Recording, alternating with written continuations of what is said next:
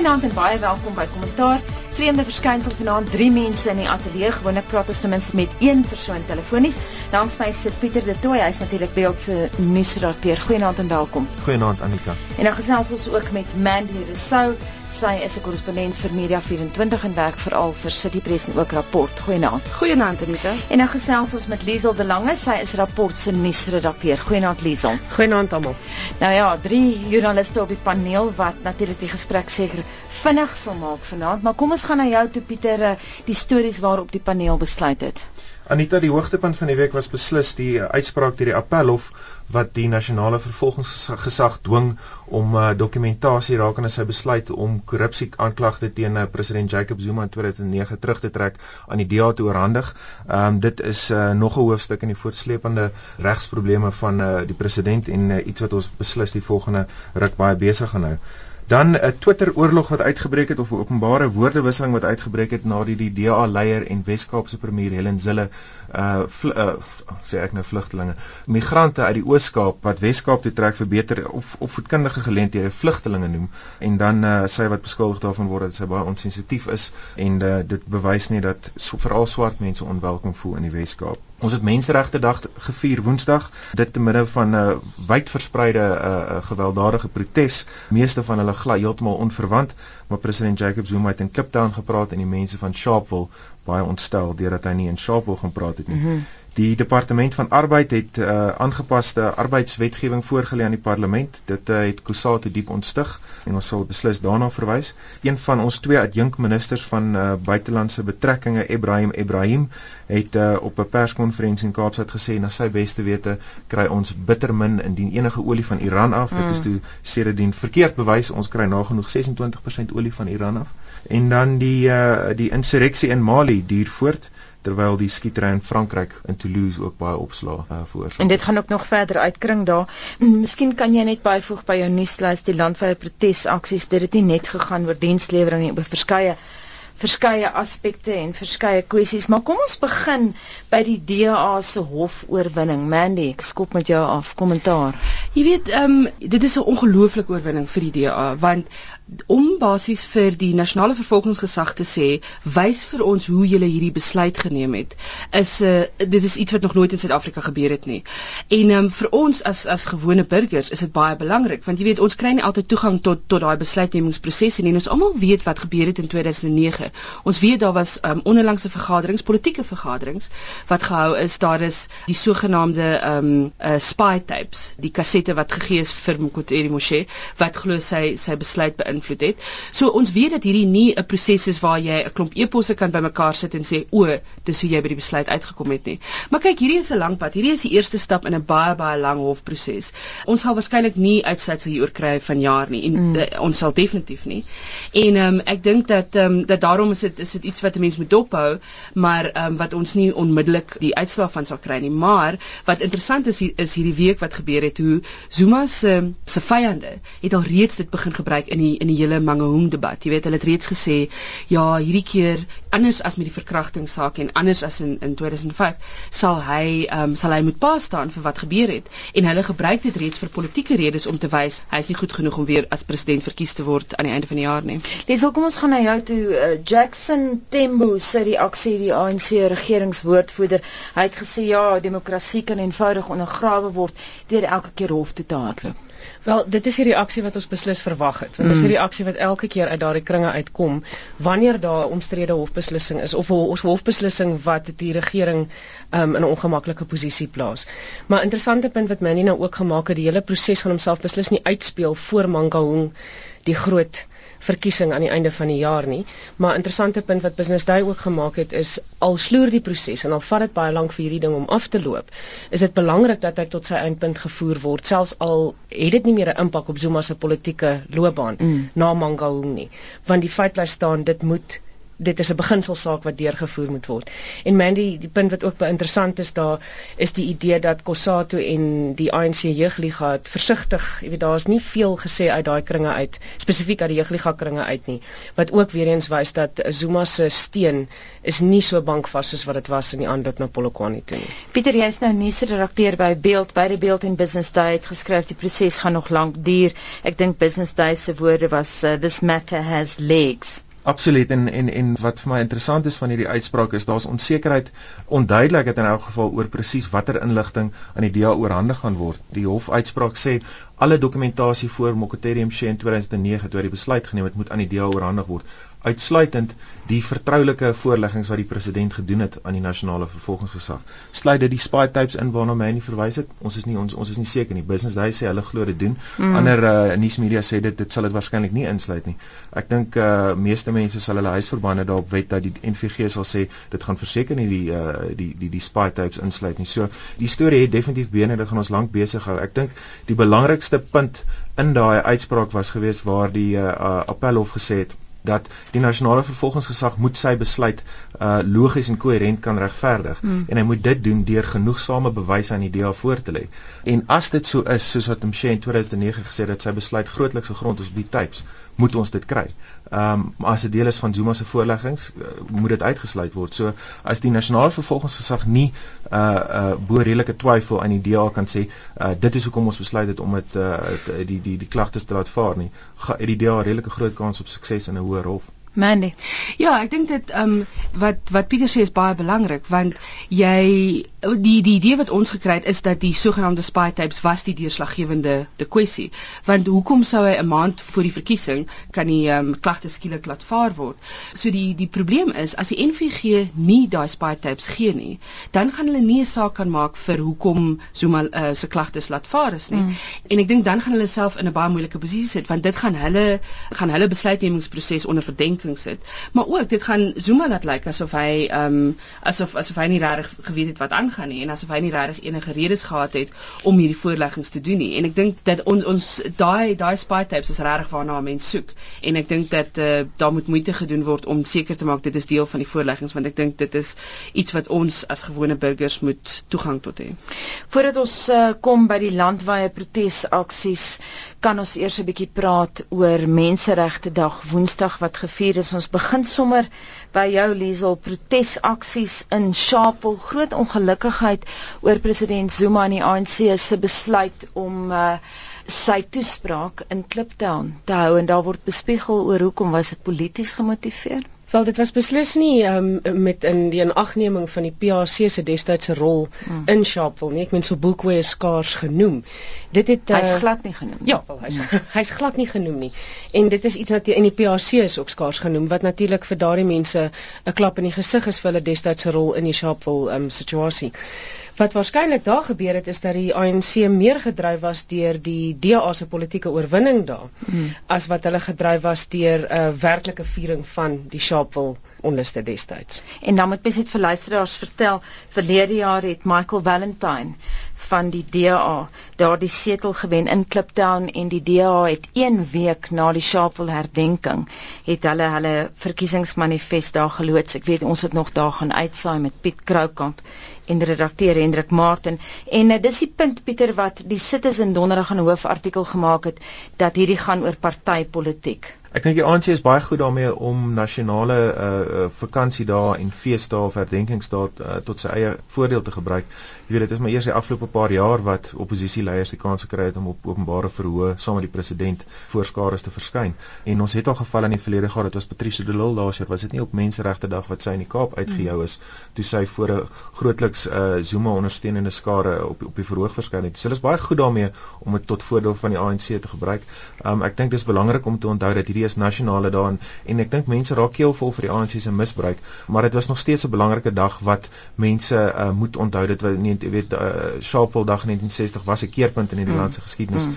Um, Moletsi en Bekkie sê daar was 3 dae gewees Sharpeville uh, uh 1976 en dan die dag wat PW Botha 'n noodtoestand afgekondig het, jy weet. So dit is 'n belangrike keerpunt in ons land se geskiedenis gewees en, en ons moenie uit die oog uit verloor net omdat die ANC dit probeer kaap wat die belang daarvan is nie. Maar Mandy, vraag aan jou, was dit taktiese fout om Kliptown toe te gaan? Want ek sien dat uh, jou koerant City Press skaam vandag aan president Zuma se kant deur te skryf dat om aan te neem dat die mense van Sharpeville monopolie op die herdenking van die slagting het, is misplaas. Van die 69 wat gesterf het, het ter wille van die waardigheid van alle Suid-Afrikaners gesterf en dan verder sê City Press uh, boonop bewys die massamoord van die mense in Langa en Uitenhage in die Oos-Kaap wat in 1985 tydens 'n herdenking protes optog dood is, dat die herdenking van 21 Maart aan almal behoort. Ja, kyk ek st ek stem saam met daai ehm um, met die hoofartikel. Ek glo wel dat Zuma moes minstens die moeite gedoen het om sy boekwe te noem om die PAC mm. te noem, want ehm um, hulle is reg. Natuurlik het daai mense nie dood gegaan vir net die mense van Sharpeville nie. Hulle hulle dood gegaan vir almal van ons, maar dit is nie 'n geval van ehm um, jy weet, jy kan dit net vergeet. Jy kan nie daai klein detail rondom Sharpeville vergeet nie.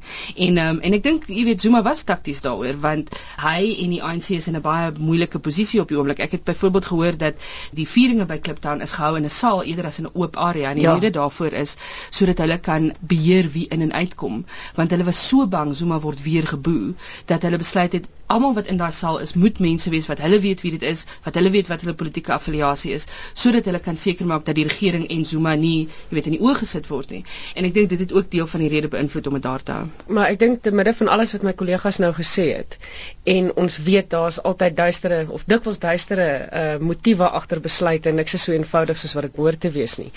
Dit alles in ag genome kon Zuma ten minste vir Sobukwe genoem het en vir die PAC die hoed gelig het om te sê dit is die rol wat julle by Sharpeville gespeel het en dankie daarvoor namens almal vir wie dit 'n impak gehad het.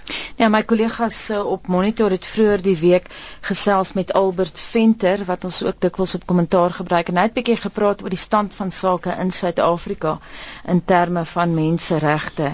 En uh, die prentjie wat hy geskets het, uh, Pieter, ek weet jy het ook na die onderhoud geluister.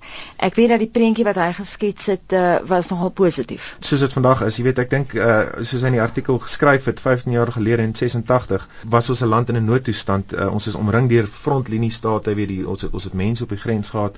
Uh, menseregte was vertrap geweest, die ekonomie was was was was op pad suid geweest. Dis belangrik om, om binne konteks die land te beoordeel. Dit is belangrik om perspektief te hou. Mm. Ehm mm. um, en dit is wat Menseregte Dag en en meeste ander vakansiedae wat te doen het met met ons geskiedenis. So 27 April wat ook nou opkom, dit was ook 'n belangrike keerpunt in ons land en uh, maak nie saak hoe hoe, hoe mense uh, probeer paai en die dinge gaan wel beter in Suid-Afrika as wat dit 20, 30 jaar gelede gegaan het. Ja, hy het 'n klomp punte gemaak. Jy verwys nou na 'n artikel net vir luisteraars wat pas ingeskakel het. Ons het uh, Woensdag met professor Albert Venter gesels op Monitor en hy het gepraat oor die stand van sake in Suid-Afrika met verwysing na menseregte en uh, dit was baie positief geweest maar geskoei op 'n artikel wat hy vir jou koerant geskryf het uh, Liesel wat hy vir rapport geskryf het in uh, in 2000. Laaste woord aan jou en dan beweeg ons aan na die volgende nuus hoogtepunt van die week. Wel interessant, ek dink terwyl ons nou praat oor uh, menseregte en ons praat oor die uh, Suid-Afrika waarin ons nou leef wat beslis 'n baie beter plek is as in 86 toe die artikel geskryf is en ook in 94. Is dit interessant om te sien waaroor ons medelandsburgers betoog het die afgelope week. Ons het die mense in Hangberg gehad wat betoog het rondom ehm um, die gebruik van die see om hmm. ehm um, um, 'n lewe te kan maak uit die see uit. Ons het die mense in Grabouw. Daar's natuurlik groot debatte daaroor wat die ware motiewe is agter die uh, die um die betogings daar wat hande uitgeruk het. Ons het die mense in Ratanda wat ge, wat uh, strate toe gegaan het oor elektrisiteit. Ja, so dit is net interessant om te sien hoe wyd mense se frustrasie steeds strek die oorlewingskwessies waarvoor mense strate toe gaan. Dan was daar 'n betoging by Everton oor 'n toordokter wat ook gewelddadig so dit is. Ons het nie 30 jaar terug betoog oor toordokters nie. Nee, nee, nogal nie, maar ek sien Mandy het nou met aandag, jy het nou met aandag geluister na Liesel toe sy uh, verwys het na Grabouw.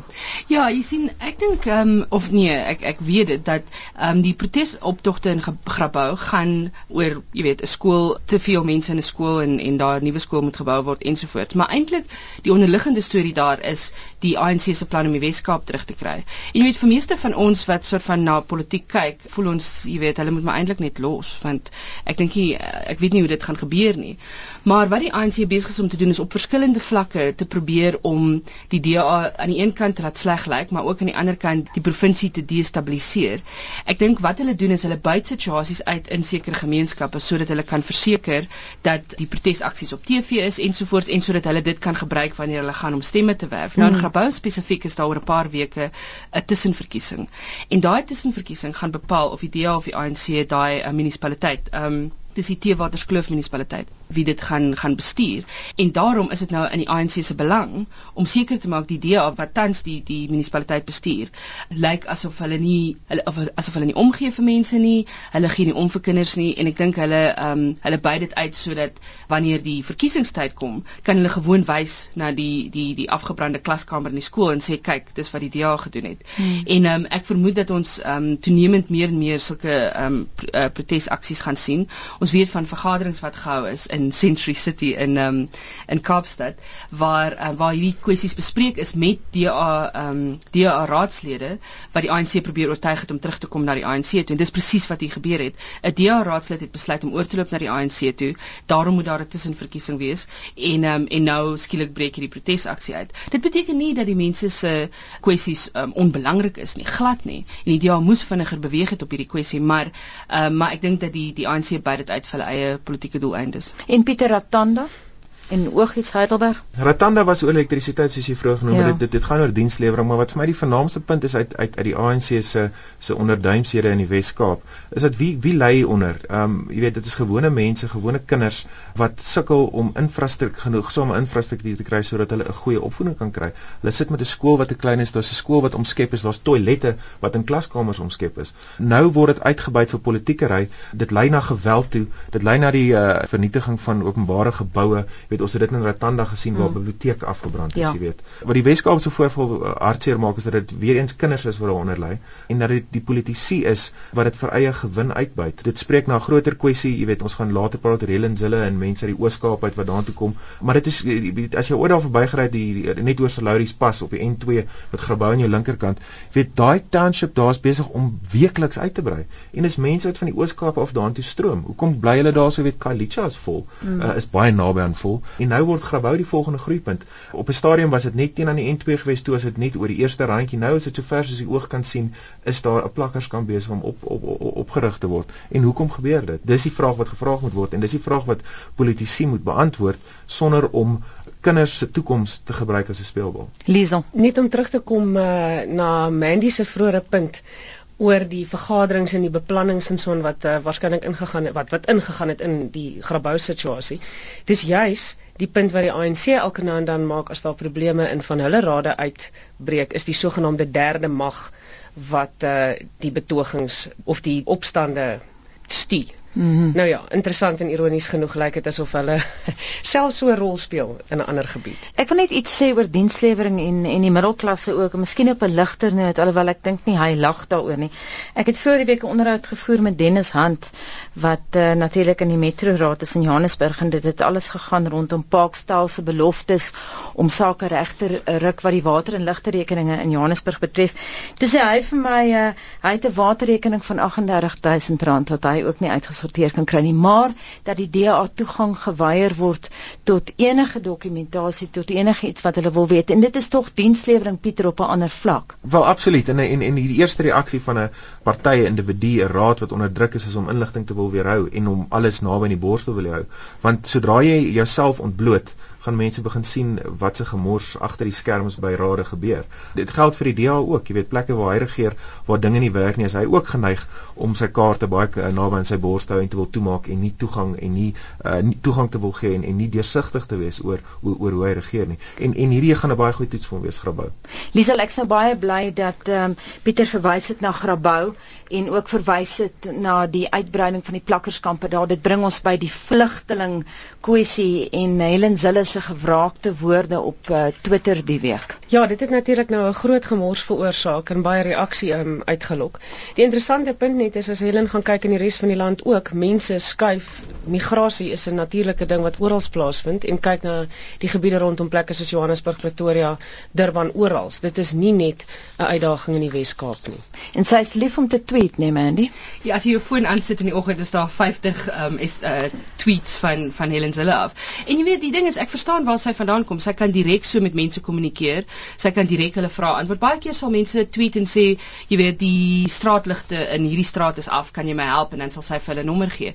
Maar jy sien wat toenemend gebeur is sy raak betrokke by hierdie debatte wat gebaseer is op ras en sy hou aan daarmee op Twitter. Sy sê nie o, um, kom ons vat hierdie na 'n ander forum toe, kom ons hou 'n vergadering of wat ook al nie. Sy hou aan om om om dit te doen op Twitter. En jy weet Twitter is mos maar 'n medium waar jy net 140 karakters kan insit. Hmm. So, jy weet vir iemand wat 'n politikus is wat baie het om te sê, ja. behoort hulle eintlik 'n ander medium te gebruik. En ek dink dat toenemend begin dit 'n probleem raak vir die DA want ehm um, die die party is moet moet die hele tyd ehm um, uh, vure doodslaan weens uh, goeters wat Helen op Twitter gesê het. En sy, jy weet, sy's mal daaroor. Sy ek dink dit is dalk 'n bietjie van 'n ehm um, obsessie. En ehm um, ek wonder of uh, of daar nie miskien vir haar moet 'n paar reëls ingestel word oor wanneer sy oor sekere goed kan praat nie, want ek dink jy weet hierdie ding oor die vlugtelinge, dis regtig onnodig. Jy weet sy het dit in een tweet gesê, ek het dit gesien en sy het basies gesê mense wat na die Weskaap toe kom vir skole is gelyk aan vlugtelinge. Jy weet sy het nou in Engels gesê ek kan dink dit sy gedink het dit maak sin at the time, maar dit is asof sy nie altyd dink aan die politieke gevolge wat sulke goed het nie. En dan bars dit uit en dan dan dan doen sy niks om dit regtig te keer nie en sy hou net aan om die vuur te stook en ek dink dat die DA gaan gaan seer gemaak word deur hierdie tipe uitlatings. Dis so, baie interessant wat jy gesê het van dis omtrent woordeliks wat die Sunday Times vandag in 'n hoofartikel sê en dan sê hulle ook soos jy Mandy dat Twitter is dalk nie die regte medium vir hierdie soort van debatte nie, maar dan staan een sinnetjie by en ek moet nou uh, na jou te draai met 'n glimlag in my tong en die kies. But it's a medium that tempts one to do so dit lyk vir my Helen Zille is um, kan nie daai uh, versoeking weerstaan nie Pieter. Glad nie jy weet ek dink sy word maklik uitgehelp my het gesê sy word ingesleep by rasdebat. Jy weet dis nie die eerste debat waar 'n onderliggende rasse kwessies is waar sy ingesleep word nie. Sy was met 'n baie bekende kunstenaar um Sipiwedana ja in in in 'n baie uitgerekte debat betrokke wat ek dink gelei het tot sy die presse groot spread so 'n paar weke terug oor raskwessies in die in die in die Wes-Kaap. Sy word maklik uitgelok sy reageer op amper alles. Daar word nog ons ehm um, dat die party wat by verre die meeste persverklaringe uitreik is die DA jy weet op 'n stil Sondag word jy gemobbardeer met ja. 80 persverklaringe uh. nou kry jy nog vir hulle op uh, Twitter ook weet ek ek kan nie meer nie ek volg maar nie nie kom ons uh, beweeg aan na spanning tussen Kusato en die ANC oor arbeidsmakelaars uh, Liesel? Ja, die regering en daar's dit is natuurlik nou 'n voortsleepende debat daai en een van die groot kwessies waaroor Kosato ongelukkig raak. Dis ook een van die twee kwessies waaroor hulle nou onlangs die groot uh, optogte gehou het. Die etol en natuurlik die belangrikste deel daar was die arbeidsmakelaars. Mm -hmm. En dit blyk nou dat die regering uh, nie werklik die knie gebuig het voor Kosato se eise dat arbeidsmakelaars in totaliteit afgeskaf moet word nie en dat die regering bly by sy oorspronklike standpunt dat dit net gereguleer moet word. En dit is ja, dit is 'n enorme doring in Kosato se vlees en iets wat beslis groot um, groot spanning veroorsaak tussen hulle en die ANC. En hoe gaan dit die verhouding verder skaad? Wat gaan nou gebeur? Kan ons in die alliansie 'n breuk sien? Anita, die breek is iets waaroor mense al praat vandat die alliansie begin het. Mm. En die alliansie was al op sterker en swakker punte. Nee, nie op hierdie stadium nie. Kom ons gaan na jou toe Pieter. Die die die wetswysigings soos voorgestel of die die nuwe wette dan ehm um, bepaal eh, die die die vernaamste bepaling daarin sê dat indien jy 'n tydelike werker vir 6 maande of langer in diens neem, word daardie werker permanent geag. Met ander woorde, hy moet dieselfde voordele kry as 'n permanente werknemer. Ehm um, dit is vir Kusato 'n baie groot probleem. Dit sal beteken dat werkgewers nog steeds tydelike mense tydelik in diens neem vir 5 maande of 5 en 'n half maande en dan weer hulle los vir 'n maand en hulle kontrakte dan weer hernie. Uh Kusato eis 'n algehele uh verbanning van van arbeidsmakelaars. Dit lyk nie asof dit gaan gebeur nie. Daar was uh, debatte daaroor in Netlek gewees. Dit het daarso misluk. Ehm um, jy weet, ek dink die die uh die die die die, die gedagte is dat ons moet werk skep daar moet werk geskep word op watter manier ook al. En as jy nou uh, arbeidsmakelaars uit die prentjie gaan vat, gaan jy dit moeilik maak vir ongeskoolde werkers wat bereid is om vir 'n lae uh loon te werk om om hulle in posisies te plaas. So dit maak dit vir Kusatu moeilik. Die regering gaan nie hulle gaan nie skuif hieroor nie. Um en en dit sal verseker lei soos Liesel sê tot konflik in die toekoms. Dit sal nie lei tot 'n groot breek nie, maar dit gaan net bydra tot die vervreemding beslis tussen Wawi en Zuma. Jy sien die probleem is dat um, ek wonder of die waardes wat die wat die um, wat Kusatu en so aan aanhang rondom werk en en wat wat goeie werk is of dit nie besig is om aan te beweeg nie want as jy daar dink jy weet ehm um, tydelike werk kontrakwerk ensovoorts is besig om wêreldwyd pos te vat om 'n permanente werk te hê soos ons waar jy mediese fonds het pensioenfonds ensovoorts dit is eintlik nie meer die norm nie. En ek dink dat dat Kusatu is soort van besig om en en natuurlik moet dit doen wat dit doen want jy weet uh, dit het lede wat dit van van die van die federasie verwag. Maar ek dink Kusatu sal moet begin anders dink oor hoe hulle hierdie situasie hanteer. Want hierdie is nie die regering is is nou net hardkoppig en wil nie hulle hulle hulle toe, toegewings maak nie. Hierdie is dit is wêreldwyd is, is sien ons hierdie ehm um, hierdie trend besig om plaas te vind en ek weet nie of ehm um, of Kusatu dit besef nie en of hulle nie besef dat hulle sal moet ehm um, hulle self aanpas om aan te hou om werkers te beskerm natuurlik, maar miskien op ander maniere sodat ehm um, sodat hulle nie later heeltemal buite die kring staan nie en dis wat toenemend besig is om te gebeur. Ons moet uh, teruggaan na ons nuuslys toe. Olie invoere uit Iran. Jy het nog 'n laaste woord sê. Ek sien jy vang my oog. Dan gaan ons na die olie toe. Nee, die interessante ding juis is terwyl ons nou praat oor Kossatu wat uh, toenemend die regering kritiseer en al hoe meer kritiseer. Patrick Kruiven, hulle woordvoerder het juis gister weer 'n verklaring uitgereik, 'n baie bitsige klein verklaringkie rondom Suid-Afrika, die hele debat rondom ons olie van Iran af. Hmm. Wat hulle toe eh, wat eh, Patrick Kruiven gesê het, hierdie idee dat uh, die ministers gesê het ons wil probeer om ons afhanklikheid van olie uit Iran uit af te skaal het hy toe gesê dis ons wat alweer die knie buig voor Amerikaanse eise in die hele konteks van sanksies. Mm -hmm. Kom ons bly by die uh, olie-invoere uit Iran. Ek bly sommer by jou vir 'n oomblik, uh, Liesel. Ons sien natuurlik dat Business Day Vrydag vir uh, Ibrahim Ibrahim voor stok gekry het. Hy het sy syfers verkeerd gekry. Nou ek weet ons het ook 'n onderhoud hierdie week uh, gedoen op Spectrum oor hoeveel presies ons invoer en ons het met die WNR gepraat. Hulle praat van 29% olie invoere, maar uh, Ibrahim Ibrahim het gesê dis onbeduidend die invoere van Iran. Ja, en ek, dit, ons gaan nou vir jou kans gee man. Ek weet uh, jy het 'n stuk daaroor. Dit was inderdaad 'n verstommende oomblik om die minste te sê toe Ibrahim Ibrahim minister van internasionale adjunkt minister van internasionale betrekkinge. Baie oud liesel, né? Wat uh, wat behoort te weet. Ehm um, toe nou sommige gesê het ag nee wat uh, dis onbeduidende invoere en as ons enigsins van Iran af olie kry is dit net 'n ou klein bietjie. En ehm um, ja, inderdaad nie die geval nie. Die invoere lê tussen 25 en 29% plus minus van ons olie wat van Iran afkom. Die uh, minister van uh internasionale betrekkinge wat genadiglik haar syfers meer agter mekaar het, het wel genoem dat Suid-Afrika ernstig kyk na alternatiewe bronne. En kyk, daar is die hele kwessie van die Amerikaners wat dreig met sanksies. Um, ons is een van die lande saam met 'n paar ander wat gedreig word met uh, sanksies uit Amerika uit as ons nie ons uh, olieafhanklikheid van Iran verminder nie. Maar natuurlik jou ander probleem is as daar wel een of ander probleem in daai gebied kom of daar is konflik of Israel eh, druk 'n rooi knoppie in die middel van die nag, ja. wil jy in elk geval nie te afhanklik wees van olie uitvoere um, uit daai gebied uit nie. Mandy, jy het hierdie uh, hele saak baie goed nagevors en daaroor geskryf vandag. Ja, ek was um, by die perskonferensie gewees en selfs Ibrahim se eie um, personeel was verstom oor hierdie uitspraak. Hulle het na die tyd gesê hulle het nie hulle het geen idee waar dit vandaan kom nie. Ehm um, en jy weet en later toe die departement van energie gesê nee nee nee, hy was eintlik verkeerd en so voort. Maar jy weet mos hoe werk dit in die regering. Hmm. Niemand sê ooit ons was verkeerd nie. hulle hulle sit gewoon nuwe inligting op die tafel. Maar in elk geval, maar so ek dink dit was 'n blabs van sy kant af wat ehm um, wat kon vermy geword het. Maar jy sien die probleem met die met die hele kwessie rondom olie is dat jy weet olie is nie iets soos water wat jy net van enige plek af kan kry en dan kan drink nie. Jy weet as dit skoon is nie, nê. Ehm um, ons uh, raffinaderye het spesifiek aangepas vir sekere tipes olies. Hmm. So wat hulle nou probeer kyk na is dat ons ehm um, glo die Iranese olie en die en die en die olie van Saudi-Arabië wat eintlik ons grootste um, olie invoer is is van Saudi. Dis glo baie naby aan mekaar. Hoe, hoeveel persent is dit? Dit is uh, vir Iran is dit as jy nou sê dis 25% sal dit vir Saudi wees omtrent sê maar 32 daar rond, 'n bietjie meer. Lyk of beter weer. Veel veel meer. Nie. Nee, ek weet nie. maar in elk geval, so so daai olies is baie naby aan mekaar. Jy kan die raffinaderye aanpas sodat um, ons uh, olie van Saudi af kan kry. Maar soos Liesel sê, ons wil probeer om nie so baie um, uit daai um, area uit te kry en weens die feit dat dit so onstabiel raak daar op die oomblik met met al die kwessies rondom kernwapens. So ons wil probeer om uit Afrika uit te kry. Hier is ons probleem natuurlik. Um, hmm. Ons wil baie graag meer olie uit Nigerië kry, oh. maar um, ons het mos daai klein probleempie gehad 2 weke terug. Ja.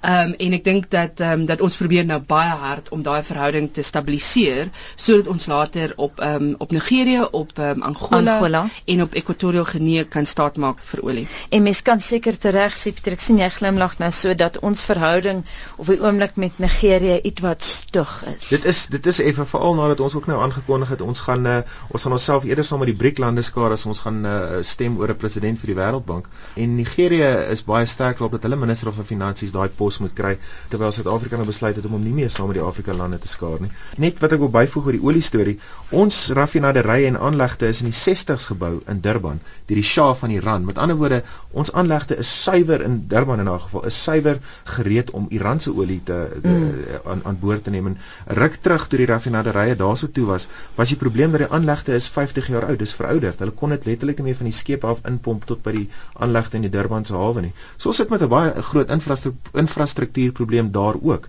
Jy weet dis goed en wel om te sê ons wil olie van ander lande af kry. Mm. Durban kan nie olie van ander lande af kry nie. Nou wat is nou die pad vorentoe? Uh tender erns om 'n nuwe raffinaderry te bou of 'n aanleg te bou by 'n nuwe by Kuga dalk. Kyk, soos ek dit verstaan, ehm um, jy weet julle almal weet Mo Sheikh gaan nou na die ehm um, Development Bank of Southern Africa toe en een van sy groot uh, take glo gaan wees om te kyk na die moontlikheid van 'n Suider-Afrikaanse raffinaderry waar jy een bou wat basies um, sê maar in Suid-Afrika of of in Botswana waar ook al is.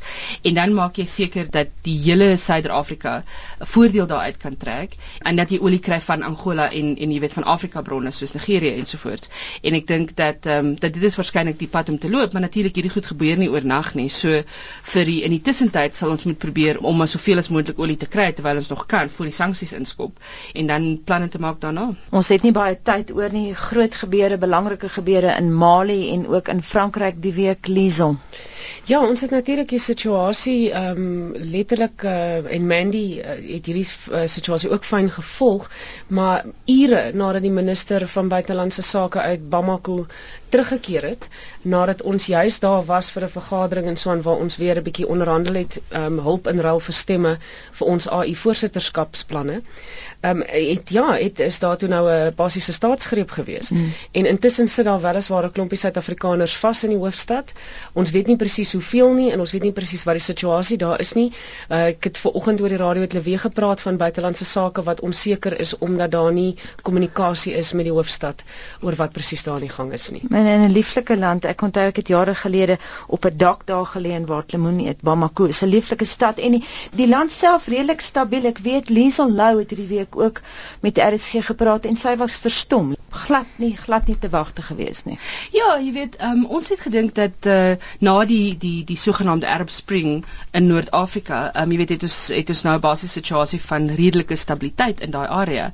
Maar jy sien die probleem is en en dit is ook hoekom die um, die weermag die die regering oorgeneem het is omdat hulle het gevoel hulle word nie genoegsaam beskerm deur die regering of of befonds deur die regering om hulle werk ordentlik te doen nie. Jy sien Mali het 'n probleem in die noorde met die rebelle en um, en die die weermag se se werk is basies om dit teen te staan en um, hulle voel dat jy weet die uh, president het nie genoeg moeite gedoen om vir hulle die nodige wapens en opleiding so aan te gee om dit ordentlik te hanteer nie en dit is hoekom hulle besluit het om om oor te neem nou. Dis 'n maand voor die verkiesings in Mali. Ehm um, so dit heeltemal uit die blou uit gekom en ek dink dat um, ons probeer om een of ander tipe stabiliteit te kry. Jy weet, dis Mali is nou die AI uit ook geskop en so. So ons sal sien hoe dit gaan van daar af. En dan 'n stad wat uh, ons nooit dek op ons nuuslys nie, Toulouse skielik uit die bloute uit op almal se nuusagenda. Absoluut 'n 'n 'n skieter 'n 'n lid van 'n Al-Qaeda sel wat 'n uh, uh, soldate en uh, kinders in 'n uh, by 'n by 'n Joodse skool in Toulouse afgemaai het. Die hele drama was 24 uur op TV gewees en dit was fascinerend mm. om te volg hoe die skieter in 'n klein straatjie in Toulouse in 'n woonstel vasgekeer was met die polisie daar buite. U weet hulle uh, radiostasies en TV-stasies het regstreeks van daar af uitgesaai en uiteindelik is hy is hy toe doodgeskiet nadat um, daar eers 'n ruk kommunikasie met hom verbreek was. Taakmaglede het ingestorm, hy het uit 'n badkamer uitgestorm met mm. gewere in elke hand en by 'n ruit uitgespring. Verskriklik dramaties en alles uh, regstreeks op uh, op buitelandse TV-netwerke uitgesaai. En natuurlik uh, die arme minister minister van binnelandse sake Guillaume moes net vure oral doodslaan, maar watter effek dink jy gaan dit hê op die komende Franse verkiesing? Ek weet Reuters, die Britse nuusagentskap en Agence France-Presse het hierdie week daaroor geskryf en verwys na die feit dat die ver uh, regse kandidaate vinnig ingespring het en uh, aangegaan het oor Al-Qaeda en so in Europa. Die ou debat wat ons nou toenemend in Europa gesien het, ook verlede jaar met Noorwe, né? Ja, absoluut. Ek eh, eh, weet mense wat baie meer van daai verkieskomende verkiesing weet as ek sê dat dit vir Sarkozy 'n groot 'n uh, hupstoot gewees. Dit was 'n geleentheid vir hom gewees om te lei en in enige tyd van 'n uh, nasionale drama is dit 'n geleentheid vir die president en veral in 'n tyd soos hierdie was dit 'n guldige geleentheid vir hom om van voor af te lei. Kom ons gee vanaand die laaste woord aan jou Liesel de Lange. Ja, die uh, Franse verkiesing is basies in minder as 2 maande en die amptelike peilings het gewys reeds dat Sarkozy baie beter staan as wat hy het ironies genoeg voor hierdie situasie want hy het die geleentheid gehad om presidensieel op te tree en leiding te neem. Nou ja, op daardie noot eindig ons vanaand kommentaar. Baie dankie daaraan Liesel de Lange, sy is rapport se nuusredakteur. Dankie Liesel. Dankie na 'n aand almal. En baie dankie Mandy Resou, baie dankie vir jou insette. Baie dankie Anita. Veral oor die olie. en uh, Pieter de Tooy beeld se nuusredakteur, baie dankie dat jy kom saamgesels het. Plesier Anita.